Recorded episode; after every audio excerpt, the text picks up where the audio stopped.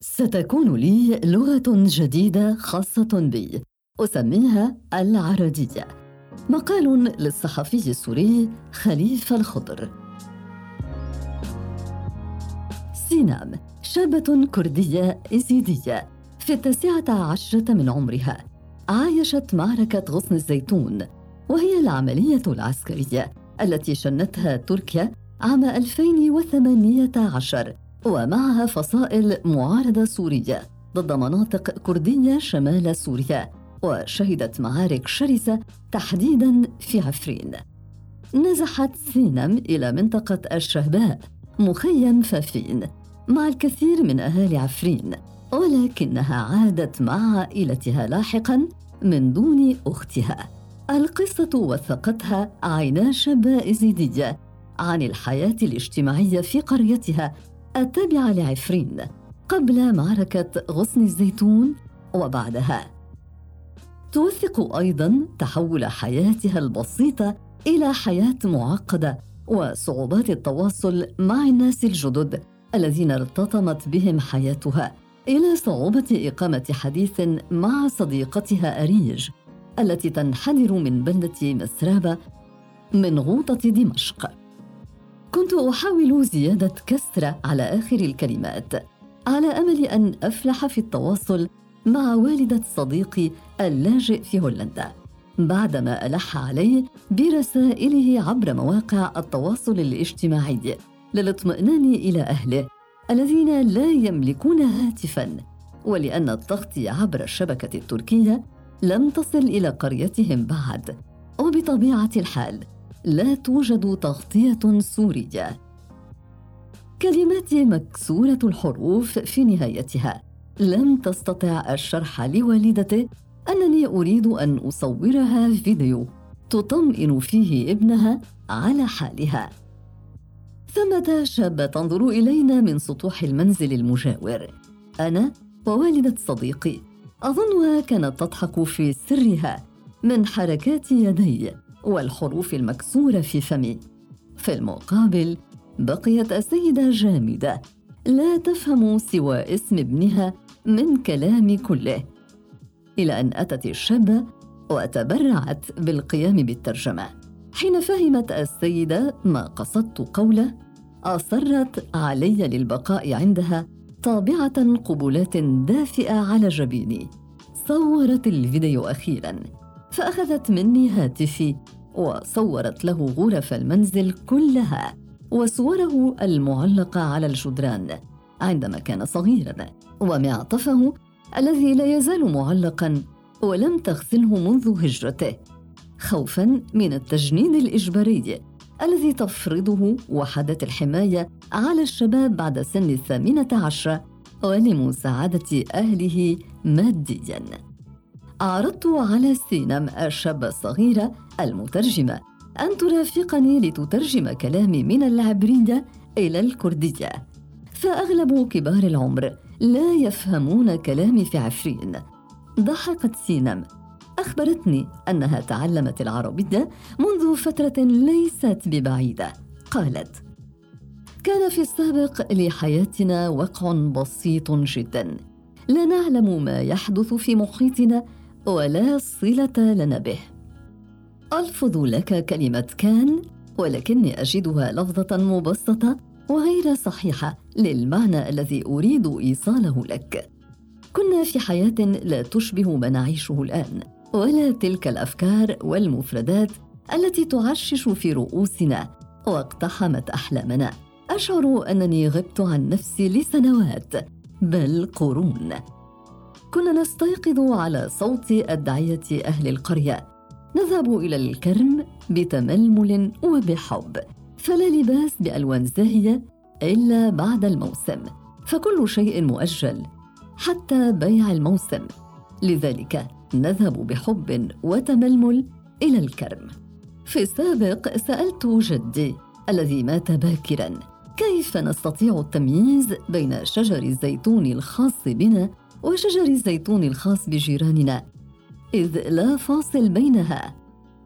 قال الوجدان والضمير وحب الزيتون.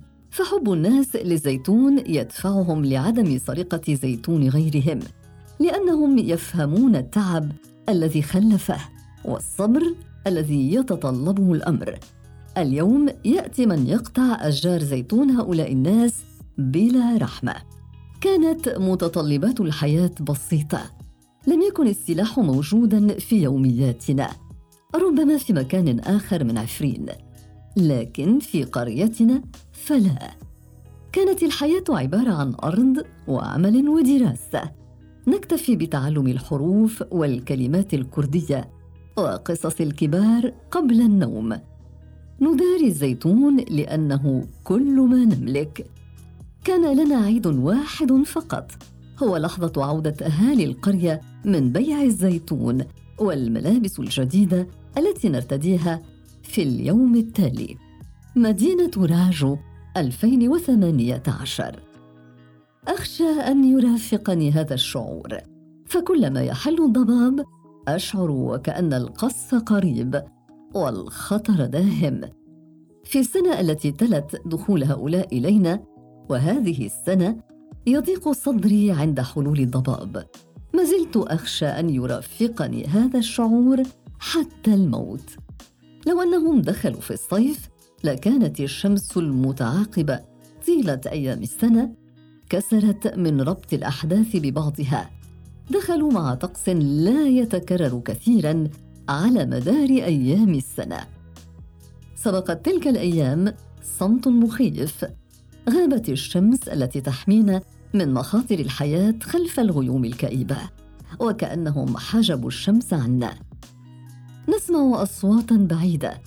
يقول الأهالي إنها أصوات أصابع متفجرات لتفتيت الصخور من الجبال لأخذ منها الحجارة بغية تشييد منازل. لكن الحقيقة أنها كانت أصوات تدمير المنازل. في الأول من آذار مارس 2018 كانت أصوات الأصابع المتفجرة كما يقول الكبار تكبر ونشاهد دخانا أسود من بعيد. ما دفعنا للنزوح باتجاه قرى أخرى غير قريتنا؟ مشي وجلوس وصعود جبال صخرية. كل هذا يحدث والشمس تأبى الشروق. ربما خذلتنا أو تخجل منا. كنت أنتظرها ولا أتعب من صعود الجبال الصخرية. علني أصل إلى الشمس وأزيح عنها الغيوم الكئيبة لتحرق بأشعتها هؤلاء ونعود إلى قريتنا. سأقول لك شيئا.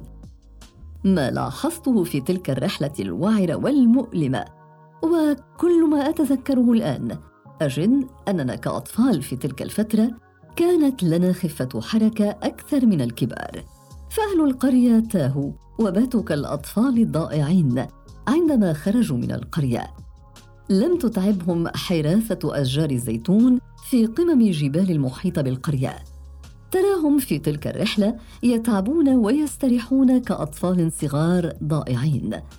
تنتظر من يصرخ في وجوههم ان عودوا فأهل القرية لا يعرفون إلا الطرقات الصغيرة المتعرجة بين أشجار الزيتون والطريق إلى راجو لبيع محاصيل الزيتون. مخيم فافين شهر أبريل نيسان من العام نفسه. بريفان ترفض العودة إلى القرية رغم صغر سنها. أنا الآن عمري سبع عشرة سنة وهي تسعة عشرة سنة. تلك الفترة هي كانت سبعة عشر وأنا كنت خمسة عشر. لكن أنا الآن كبيرة. الذي حدث أن أختي رفضت العودة إلى القرية وكانت تقول إنها لن تعود لتسكن تحت حكم من احتل قريتنا. ستذهب إلى الجزيرة مناطق سيطرة قوات سوريا الديمقراطية شمال شرقي سوريا وتتدرب على حمل السلاح. كانت تخاطب أمي التي تنفض الوسائد الرقيقة داخل الخيمة بقوة وكأنها تضرب بريفان وتنهاها عن عدم تكرار الحديث. سنعود إلى القرية عندما يفتح الطريق وكفى لكن بريفان كانت تنهي جملتها قائلة سأطيل جدائر هذه وأشنق بها المحتلين على أبواب منازل القرية. ترد عليها أمي.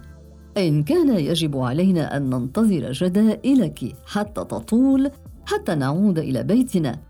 يا لسعدنا وفرحتنا. كنا كثيرات الجدال. كأن العيش في الخيمة يعبث في رؤوسنا. ويولد فقط من الأحاديث ما يثير الجدال الذي ينتهي بالقتال بين المجادلين. وبينما يحتدم الجدل كنت أعاتب الشمس بطرف عيني لعدم مساعدتها لنا. لكن معظم كبار العمر من قريتنا ومن القرى المجاورة لنا لا زالوا عند شروق الشمس يقفون أمام خيمهم ويصلون للشمس كما في السابق. لكن مع إطالة وقت الدعاء أكثر كأن الشمس تعذبنا لندعوها أكثر. الأطفال في قريتنا الكبيرة التي اسمها مخيم فرحوا لعدم وجود استيقاظ صباحي للذهاب إلى الحرث ليرد على فرحهم رجل مسن ستكبرون ولا يبقى في ذاكرتكم إلا ما تفرحون بالابتعاد عنه الآن. إن طال البعد عن عفرين تصدق ربما سأكرر الفكرة ولكن الآن لا تذهب عن ذهني مثل هذه الذكريات. فمن كنت أراه قبل دخول هؤلاء من رجال القرية لا يتعب من المشي والحرث. شاهدته في مخيم فافين لا يقوى على السير إلى الخيمة الملاصقة لخيمته وكأن الأعمار تكبر بتغير مكان الإقامة ليس فقط بمرور السنوات. كانت إدارة المخيم تمنعنا من العودة إلى القرية يخوفوننا من هؤلاء. بدلا من مساعدتنا على العودة. قتلوا شابا كان ينتظر أن يفتح الطريق لأنه يريد العودة. كل من يعود إلى زيتون قريته يقولون عنه إنه خان الزيتون. أبي وأمي رفضوا إلا أن يعودوا وجدي وعماتي.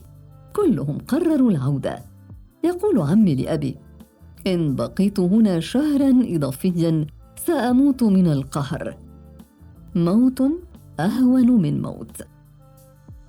انقسم المخيم بين من يريد العودة وبين من يرفضها. اجتمع من يريد العودة وأصر على العودة بالرغم من التخويف وضرب الرصاص بغية ردع العائدين. في النهاية عدنا وصلنا إلى منزلنا لنجد إنه لا يوجد فيه شيء على الإطلاق. رد أبي على كلام عمي بعد عدم عثوره على شيء. أرى أن القهر محيط بنا ولا يوجد قهر أهون من قهر. دعني أخبرك أن أختي بقيت في المخيم ورفضت العودة وهي الآن تقاتل مع وحدات حماية المرأة.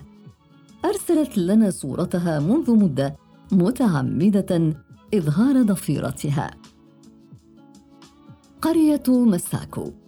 لم تعد القرية كما كانت. ولن تعود. هو جرح دخل في أحشاء القرية ولن يشفيه أي شيء. كل شيء تغير. لا أتكلم فقط عمن سيطر علينا من هؤلاء ولا من كان يحكمنا. كنا نعيش في مسافة بعيدة عن العالم. لم نخرج من ثورة لنطالب بتغيير أحد ولم نزاحم أحدا على رزقه وطعامه ولم نحمل السلاح على أحد. قريتنا تستطيع أن تعيش فيها طيلة أيام عمرك.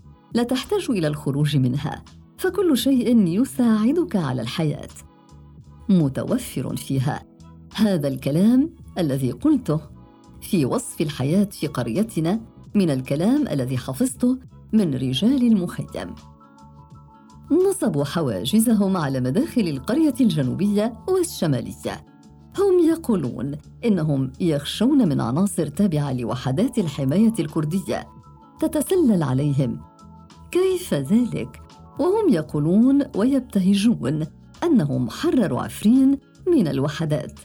هل يرون زيتون عفرين عناصر تتبع الوحدات؟ يفتشون أهل القرية من المرة ويدونون أسماءهم بلغة عربية على أوراق غير نظيفة. فوق ذلك لا يعرفون كيف يكتبون الأسماء الكردية. ليطلبوا منا تهجئة الحروف العربية من أسمائنا لكتابتها. الهاتف المحمول الذي بتنا الآن بحاجة إليه للتواصل مع من تبقى من أهالي القرية في المخيم. فالسابق لم يكن في القرية إلا عدد قليل من الهواتف المحمولة. فلا داعي لها. كلنا موجودون وكلنا نطمئن على بعضنا مباشرة. فلماذا الهاتف إذن؟ اليوم فقط عن طريقه نتواصل مع أختي. نضطر لحذف المحادثة وحذف رقم أختي من الهاتف على الرغم من أننا لا نخرج الهاتف من المنزل. لكن خشية الاعتقال نرسل أو ترسل أختي الرسالة وننتظر الرد بعد عدة أيام. بحسب توفر الإنترنت عندنا أو عندها. أتذكر أثناء تبريرهم توقيفهم لنا لوقت طويل حديثهم عن خشيتهم من خلايا الوحدات أو حجتهم. عثورهم على رسالة صوتية لأختي أنهم أي هؤلاء سيتندمون على اليوم الذي دخلوا فيه عفرين واستوطنوا بها حتى أشجار الزيتون في عفرين الذي يبلغ عددها أكثر من 18 مليون شجرة. ستتحول لمقاتلين يتبعون لقوات تحرير عفرين وينقضون عليهم. في الحديث عن قريتنا لم ينتسب أحد من أبنائها على الإطلاق إلى الوحدات القتالية لكن بعد دخول المحتلين إلى قريتنا ونزوحنا إلى مخيم فافين انتسب عدد من الأهالي إلى الوحدات ومنهم أختي. هم يتحججون بخلايا الوحدات لكنهم يسجنوننا أو يريدون منا العودة إلى المخيم. ولا نعود على الإطلاق. حتى أني اعتقدت أنهم يقيمون حواجزهم في مخيلتي. فعندما أسرح بخيالي وأتذكر ما عشناه في مخيم فافين أنهي تخيلي وأعود إلى القرية. حتى في خيالي وفي أحلامي. أجد الحاجز يسألني من أين أنا ويدون اسمي باللغة العربية. على أوراق يحرقها بعد ملئها بأسمائنا. عندما يطول الرد من قبل أختي على رسائلنا امتعض أعاتب الشمس وأتحدث معها. أقول لها إنني سأسامح تجاهلها لنا في يوم الضياع. لكن عليها اولا أن ترسل ما سأقوله لها لأختي وبسرعة أشعتها. ترد علي أختي فورا عن حالها وصحتها. يكبر اشتياقي لأختي كلما طالت أيام غيابها. أقول للشمس لكن الشمس لم تفي بوعدها. أريج الأخت والصديقة. دخل إلى قريتنا ناس وجوههم شاحبة كوجوه من بقي في المخيم من أهل قريتنا. شعرت في البداية بالوحشة منهم. لا لشيء لكن لكثرتهم. فقريتنا كان صوتها العام الصمت. بالكاد نسمع صوت زمور سيارة سابقا. أما الآن فنسمع أصواتا كثيرة متداخلة مع بعضها البعض. تغطي على أصواتنا. أنا لا أتحدث باللغة الكردية. ومن الصعب علي أن أسرد ما يجول في خاطري إلا بعد ترجمته إلى اللغة العربية في رأسي وإخبارك والعالم به. فقبل قدوم هؤلاء كانت حتى أحلامي باللغة الكردية وحتى حديثي مع نفسي وخيالي باللغة الكردية. أما اليوم من العسر على خيالي وذاكرتي أن أتحدث بكل شيء ظل محفورا بذاكرتي منذ الصغر. إن تذكرت شيئا سأقوله. يوجد صديقة لي الآن من بلدة بعيدة جدا. تقع خلف جبال عفرين. هي من بلدة اسمها مسرابه في الشام. أجد اختلافا زمنيا كبيرا بيني وبينها عندما تقول أي شيء أحاول ضبط معنى كلمة قبل وبعد. بمعاييري أنا. فقبل وبعد بالنسبة لها أي قبل عام 2011 وبعد عام 2011 أما بالنسبة لي فقبل وبعد هي قبل دخول هؤلاء وبعده في شتاء عام 2018 لذلك مثلما أترجم في ذهني الكلمات الكردية إلى العربية أفكر كثيرا بمفرداتي عندما أجلس أنا وأريج في باحة المدرسة ونتحدث. ترجمة الكلمات ليست بالضرورة من لغة إلى لغة. من الكردية إلى العربية بل هناك ترجمة المقصود من الكلمات كقبل وبعد. فمع ترجمتها في ذهني من الكردية إلى العربية يجب ترجمتها من قبل التي تقصدها أريج إلى قبل التي أقصدها أنا. ومن الأمور التي أجد فيها اختلافا مع صديقتي أريج التي أشعر بشيء ينقصني إذا لم أرها يوما. لا أخفيك سرا. لا أريد لبشار أن يسقط. حتى لا تعود إلى بلدتها مسرابة لكن لا أخبرها كي لا تزعل فهي تتحدث كثيرا عن أحلام عودتها إلى منزلها. لكن السؤال الذي أجد فيه اختلافا ولم أجد له جوابا. هل حقا نحن كنا في بلد واحد اسمه سوريا؟ أم نحن عشنا في بلدان عدة؟ في بلد واحد كبير له سور خارجي وأسوار داخلية. ما يفرحني لا يفرح أريج بالضرورة. ما يزعجها لا يزعجني.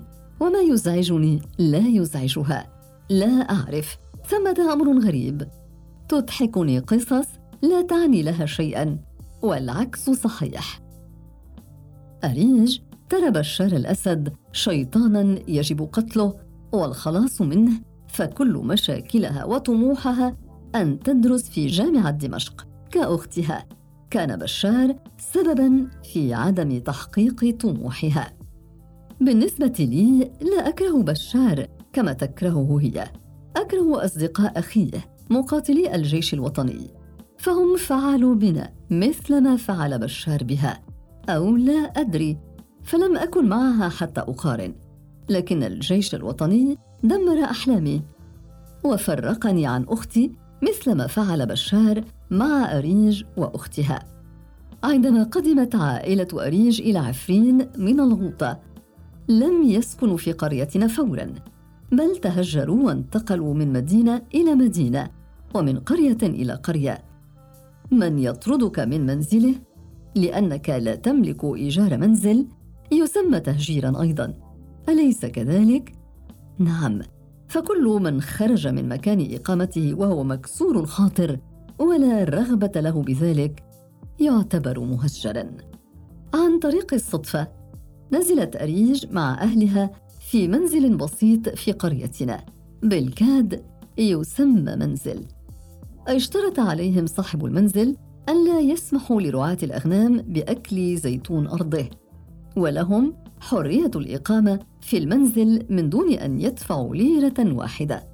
أقسم ليرة سورية نعم أهل أريج ارتضوا أن يكونوا كلاب حراسة بسبب الفقر الذي عاشوه والذي تسبب بتنقلهم مرات عدة من مخيم إلى مخيم ومن منزل إلى منزل. حتى وجدوا حراسة زيتون أرض شخص لا يسكن في منزله عرضا مغريا. وإذا ما دخلت إلى المنزل فما هو إلا غرفة واحدة قسمت أم اريج الغرفة إلى عدة أقسام بأكياس نيلون. يكفينا سقف نأوي تحته ولا نخشى القصف.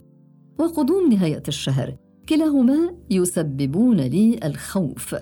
تقول أم اريج لأمي هذه الغرفة المهجورة خلف منزلنا. كانت الكلاب الضالة تنام فيها. كان لها رائحة كريهة الآن ومع إقامة أهل أريج تشتهي السكن فيها. أختي باريفان تشتم أريج وأهلها ومن لف لفيفهم تقول عنهم مستوطنين احتلوا أرضنا ولا يوجد أحد منهم يستحق التحدث معه. ولأنها تحبني لا تمنعني من الحديث عن أريج لكنها تختم قولها بمقولة غاية في البشاعة قالها أحد رجال المخيم ذات عاصفة مطرية. تعيد إلى الأذهان عبارة حادثة نازية منسوبة إلى هتلر. المستوطنون أهالي الغوطة ضربهم بشار بالكيماوي ولكنه لم يقتلهم جميعا ليس لأنه يحبهم. باستطاعته إبادتهم بل ترك القليل منهم حتى نعرف لما ضربهم. ولا نلومه على ما فعله بهم. إن كانوا مظلومين كيف يرضون لأنفسهم السكن في منازل مظلومين آخرين. أزعل من بريفان على كلامها. أنهي الأحاديث معها. فأختي هذه مثل سيل جارف لا أحد يستطيع منعها من إبداء رأيها. أزعل منها. وأحن إلى أريج ووصفها المقتضب للأشياء. تصف المساحات الشاسعة ورياح عفرين بطريقة تجعلني أعشق عفرين أكثر من عشقي لها. لولا أريج وبريفان لما عرفت قيمة عفرين في حياتي. تقصد كذا. وقعت في قريتي التي باتت مقسومة بقسمة غير منتظمة بين عوائل فقيرة من الغوطة وعدد قليل من أهالي القرية. وقعت بين مجموعة ناس ما يضحكها ويبكيها شيء ومجموعة أخرى يضحكها ويبكيها شيء آخر. الترجمة التي أتقنها من العربيه إلى الكردية الآن ليست مفردات أترجمها من العربية إلى الكردية أو العكس بل أترجم مشاعر وحبا وقصصا وافكارا ومعاني. ربما لو كنت تتقن الكردية لوجدت عددا من المفردات الخاطئة في ترجمتي لكن ما أترجمه من معنى أكيد أو هكذا أظن باتت كلمة يقصد أو تقصد. بمتلازمة ترافقني قبل التحدث بأي جملة بالعربية أو الكردية. قلت لك لا أترجم الكلمات بل ثقافتها وموسيقاها ومعانيها. بين مجموعات بشرية تسكن في بلد واحد ولكنها تبتعد عن بعضها في طقوس الحياة بلدانا واجيالا وقرون. تقول لي جدتي التي عادت معنا من المخيم. هي ليست جدتي الحقيقية بل امرأة وحيدة تقول إنها داخت في المخيم. لذلك عادت معنا إلى القرية. تقول لي كانوا يعبدون الله على طريقتهم. دعاء بلهجة سريعة أمام باب المنزل عند شروق الشمس وغروبها. كانوا إذا ما وجدوا ورقة جلبتها الرياح إلى قريتنا مكتوبة باللغة العربية كانوا يعظمونها وكونهم لا يعرفون ما مكتوب عليها فكانوا يظنونها شيئا من كلام الله. يقبلونها ويضعونها على جباههم. الآن بعد الحرب التي ابغضها لم تورث لي تلك الطقوس التي أحاول تقليدها الآن لكنها اندثرت. عرفنا أن ليس كل كلمة باللغة العربية هي كلام الله. بل قد تكون شتيمة بحقنا. اكره الحرب. لأنها سببت هذه القطيعة مع سلسلة الطقوس التي نتوارثها عن أجدادنا ونعطيها لأحفادنا. حفيدتي بالطبع لن تعرف جدتي فلا رابط بينهما. فلا أعتقد أن الأمر مرتبط فقط بترجمة المفردات والكلمات بل ترجمة الحياة ومعانيها وتراثها. ترجمة وجع كامل لا كلمة ننطق بها. قررت أريج لتوزيع العدل بيني وبينها أن تتعلم اللغة الكردية وتتعب نفسها عندما تحاول استحضار المفردات الكردية مثلما أتعب نفسي عند استحضار المفردات العربية. أخذت أردد على مسامعها المفردات الكردية. بعض الكلمات لم تستطع لفظها. قمت بتغيير اللفظ حتى تفهمها. الأمر مضحك لكن بيني وبين أريج لغة مشتركة وخاصة ربما تضاف إلى قاموس اللغات العربية. لكن ما لم أخبرك به؟ وما لم تسألني عنه؟ هو أني قلت لك إنني رددت على أريج المفردات الكردية وأخبرتك أنهم ساعدوها بالنزول من السيارة وأخبرتك أيضا أنها لحسن حظها لم تسكن في منزل ذي طبقات. ما لم أخبرك به؟ أن أريج لا ترى. فقد فقدت بصرها بقصف لطيران النظام على شارعهم في مسرابة.